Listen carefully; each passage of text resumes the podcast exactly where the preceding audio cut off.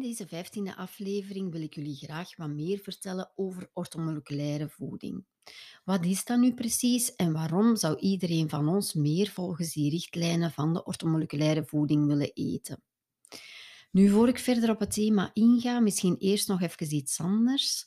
Um, degenen onder jullie die mij volgen op Instagram of Facebook weten dit ondertussen al, maar ik ben volop bezig met het uitwerken van mijn tweede masterclass.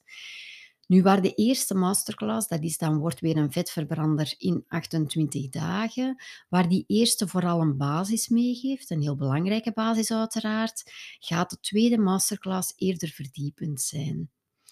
Ik heb nog een tijdje getwijfeld over welk thema ik eerst aan bod zou laten komen, maar op basis van de voorkeur die jullie hebben aangegeven in mijn verhaaltjes uh, op Instagram met daarin een poll en op basis van de cijfers van de podcast heb ik beslist om eerst de masterclass rond je lichaam op een natuurlijke wijze ontgiften, om die te maken. Nadien gaan er dan nog minstens twee volgende komen. Die zullen onder andere gaan over energie en over ontstekingen. En voor de masterclass rond ontstekingen weet ik het nog niet juist hoe de timing zal zijn. Maar eh, die van energie zal in elk geval in september uh, beschikbaar zijn.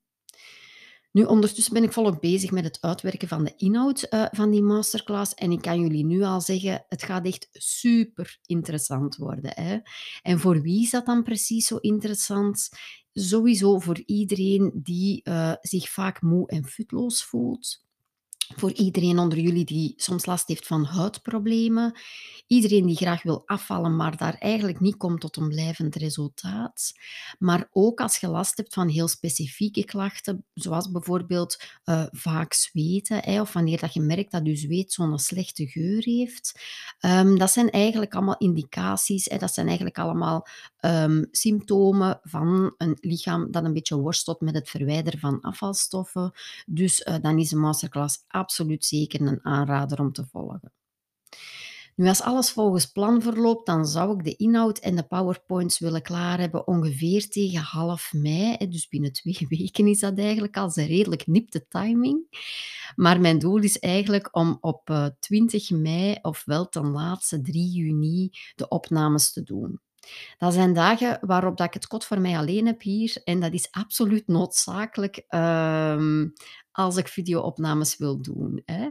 Dan is het absoluut noodzakelijk dat Sydney de deur uit is, want anders lukt dat niet. Hè. Dat is ook zo voor mijn podcast. Meestal dan sluit ik uh, Sydney op in de living en dan laat ik hem zweren van niet in de gang te komen.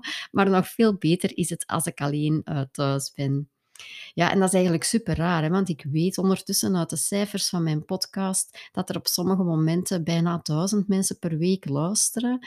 En dat is dan op zich wel oké, maar oh wee, als men een eigen man in de buurt komt, hè, dan worden we onzeker. Uh, snappen wie snappen kan. Maar goed, de inhoud van vandaag. Jullie hoorden het eerder al, ik ben zelf een absolute fan van orthomoleculaire voeding. Dus de opleiding die ik in 2020 en 2021 heb gevolgd, dat was voor mij absoluut een schot in de roos. Ik was en ik ben eigenlijk ook nog altijd uh, elke dag echt onder de indruk van wat de juiste voeding voor je lichaam en voor je gezondheid kan betekenen. En hoe dat je eigenlijk met de juiste voeding je 200% goed in je vel kunt voelen, hoe dat je je lichaam in de beste conditie kunt brengen en hoe dat je eigenlijk zelfs je lichaam kunt herstellen met de juiste voeding. Maar we gaan beginnen bij het begin. Wat is dan nu eigenlijk juist die orthomoleculaire voeding? Wanneer dat je orthomoleculaire voeding letterlijk gaat vertalen, dan betekent dat alle juiste, voeding die alle juiste, alle goede moleculen bevat om optimaal gezond te zijn en te blijven. Dus die orthomoleculaire voedingsleer die gaat eigenlijk onderzoeken welke macro- en microvoedingsstoffen nodig zijn om een goede gezondheid in stand te houden en op die manier ziekte te voorkomen. Nu, als ik spreek over macrovoedingsstoffen, dan gaat het om koolhydraten, om vetten, om eiwitten en om water. Bij microvoedingsstoffen bedoelen we dan eigenlijk de vitamine, mineralen, vitaminoïden, fytonutriënten die voeding ook kan bevatten. En misschien even uitleggen wat dat fytonutriënten precies zijn. Dat zijn eigenlijk natuurlijke, bioactieve componenten van plantaardige voeding. Dus dat zijn stofjes die in plantaardige voeding zitten, die allemaal een heel specifieke gezondheidsbevorderende werking hebben.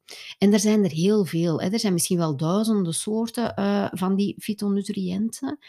En die verschillende stofjes die gaan eigenlijk elkaar aanvullen en op die manier nog een extra sterke werking hebben. En wat is dat dan? Dat is bijvoorbeeld een antioxidantenwerking. Dat ga ik zelfs nog verder uitleggen wat dat juist wil zeggen. Dat wil zeggen dat daar ook een kankerremmende werking zelfs kan zijn. En die stofjes die gaan ook ontstekingsactiviteit tegen. Dus dat zijn heel krachtige stoffen die in plantaardige voeding zitten, die eigenlijk voor onze gezondheid enorm veel kunnen betekenen. Nu, het opzet van de ortomoleculaire voeding is dan om zoveel mogelijk van die goede stoffen, de juiste bouwstoffen binnen te krijgen, door de juiste voedingsmiddelen te eten. En die juiste of die goede voeding speelt dan een enorm grote rol bij het verkrijgen, maar ook bij het herstellen van een goede gezondheid. Waar dan een goede gezondheid dan ook meer is, veel meer is dan alleen maar niet ziek zijn. Een goede gezondheid is veel meer dan de afwezigheid van ziekte. Het betekent dat je je goed en energiek voelt, ook dat je niet te snel ziek wordt en dat je meer dan genoeg energie hebt om enerzijds je werk te doen, maar daarnaast nog actief te ontspannen ook. En heel veel mensen worstelen op verschillende van die domeinen. Hè. Heel veel mensen voelen zich moe. Dat hoor ik hier dagelijks in mijn praktijk. Hè. Veel mensen hebben niet genoeg energie om hun leven optimaal te leven. En ik hoor ook dat heel veel mensen kampen met heel wat uh, vage en ook aanslepende fysieke klachten. En dan gaat het om klachten die soms ook niet door een reguliere arts kunnen worden verklaard.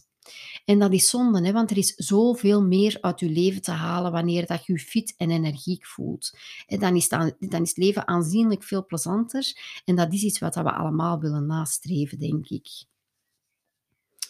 Nu, er zijn een aantal principes of uitgangspunten waarop die ortomoleculaire voedingsleer is gebaseerd. Ik ga hier een paar principes meegeven en bij eentje, bij het eerste daarvan, uh, ga ik ook wat meer uitleg geven. Dus een van die belangrijke principes is: eet genoeg antioxidanten om zo de vorming van vrije radicalen tegen te gaan. Ik ga daar iets meer over vertellen. Hè? Want wat betekent dat juist, vrije radicalen? Vrije radicalen zijn eigenlijk schadelijke hè, en, en instabiele moleculen die ontstaan bij oxidatie. En oxidatie betekent dan letterlijk het uit elkaar vallen door zuurstof. Dat speelt een hele belangrijke rol bij onder andere de verbranding van voeding, maar daarnaast ook bij uw energieproductie en ook bij het ontgiften. Nu, wat zijn dan antioxidanten? Hè? Antioxidanten zijn eigenlijk op hun beurt de stofjes die die schade door die vrije radicalen kunnen tegengaan. En antioxidanten kunnen uit uw voeding halen, maar uw lichaam maakt die ook zelf aan. Hè? Maar als je te weinig antioxidanten hebt, als die er te weinig zijn, dan uh, gaat dat enerzijds kunnen leiden tot oxidatieve stress, wat een hoop problemen oplevert. Hè? Maar dat tekort kan ook de basis zijn voor, voor ziekte, om ziekte te ontwikkelen. Want weet dat het risico op ziekte met zelfs wel 40% afneemt wanneer uw lichaam over voldoende antioxidanten beschikt. Dus dat gaat eigenlijk over een heel hoog percentage. Um, het risico op ziekte kan tot 40% afnemen door de juiste voeding te eten. Nu, er zijn verschillende soorten van antioxidanten, maar de belangrijkste eigenlijk in dit kader, dat zijn dan de nutritionele antioxidanten. Uh, een aantal voorbeelden daarvan zijn uh, de vitamine C, maar ook vitamine E hè, en belangrijke mineralen uh, die een werking hebben als antioxidant zijn eigenlijk zink en selenium. Nu, om dan nog even terug te gaan naar die vrije radicalen. Hè, wanneer dat het gaat om de schade door vrije radicalen, dan is ook de ORAC-score belangrijk. En de ORAC-score, dat zegt eigenlijk iets over de capaciteit van voeding om die vrije radicalen te neutraliseren. Voeding die dat daar hoog scoort hè, en die dat je dus graag zo vaak mogelijk op je menu wilt zetten, hè, dat zijn dan bijvoorbeeld bosbessen of frambozen of bijvoorbeeld ook boerenkool of spinazie of rozijnen. Dus dat zijn een aantal voedingsmiddelen die een hoge ORAC-score hebben. Als je graag optimaal gezond wilt leven, dan wilde die graag regelmatig op je menu zetten. Nog een klein zijsprongetje hier. Jullie horen dat uh, vrije radicalen onder andere ontstaan bij de verbranding van voeding. Ook dat is een van de redenen waarom dat goed is om maximum drie keer per dag te eten. Dat is iets wat ik al in meerdere afleveringen heb verteld. Probeer om geen tussendoortjes te eten, om maximum drie keren per dag te eten. Probeer je calorieinname niet te hoog te maken. En als het kan, probeer dan misschien ook af en toe eens een maaltijd over te slagen. Dat is allemaal vanuit dit principe onder andere mee opgebouwd. Hoe minder verbranding er is, hoe minder ontstaan van vrije radicalen. Dus er zijn nog een aantal andere uh, pijlers belangrijk binnen de orthomoleculaire voeding. Dat is bijvoorbeeld ook het zuurbase-evenwicht. Het is eigenlijk heel belangrijk om het zuurbase-evenwicht in uw lichaam goed in stand te houden door zoveel mogelijk niet verzurende voeding te eten. Um, nu, verzuring is een thema wat zo belangrijk is en ook zo breed is, dat ik daar later uh, nog graag een, een volledige podcastaflevering over ga opnemen. Um, en het is ook zo dat thema verzuring en de zure afvalstoffen uh, absoluut zeker ook deel gaan uitmaken van de masterclass over ontgifte.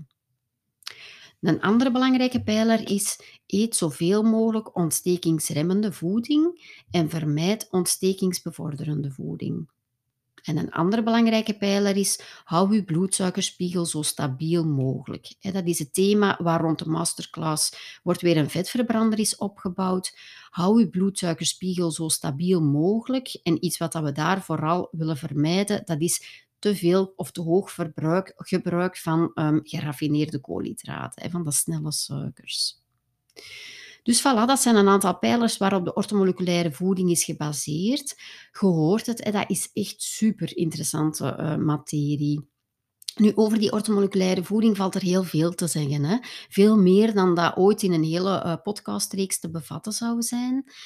Um, ik ga er in de volgende afleveringen zeker nog wel meer over vertellen. En ja, sowieso maakt ortomoleculaire voeding deel uit van mijn verhaal, want heel mijn aanbod is eigenlijk opgebouwd vanuit de achtergrond van die ortomoleculaire voedingsleer.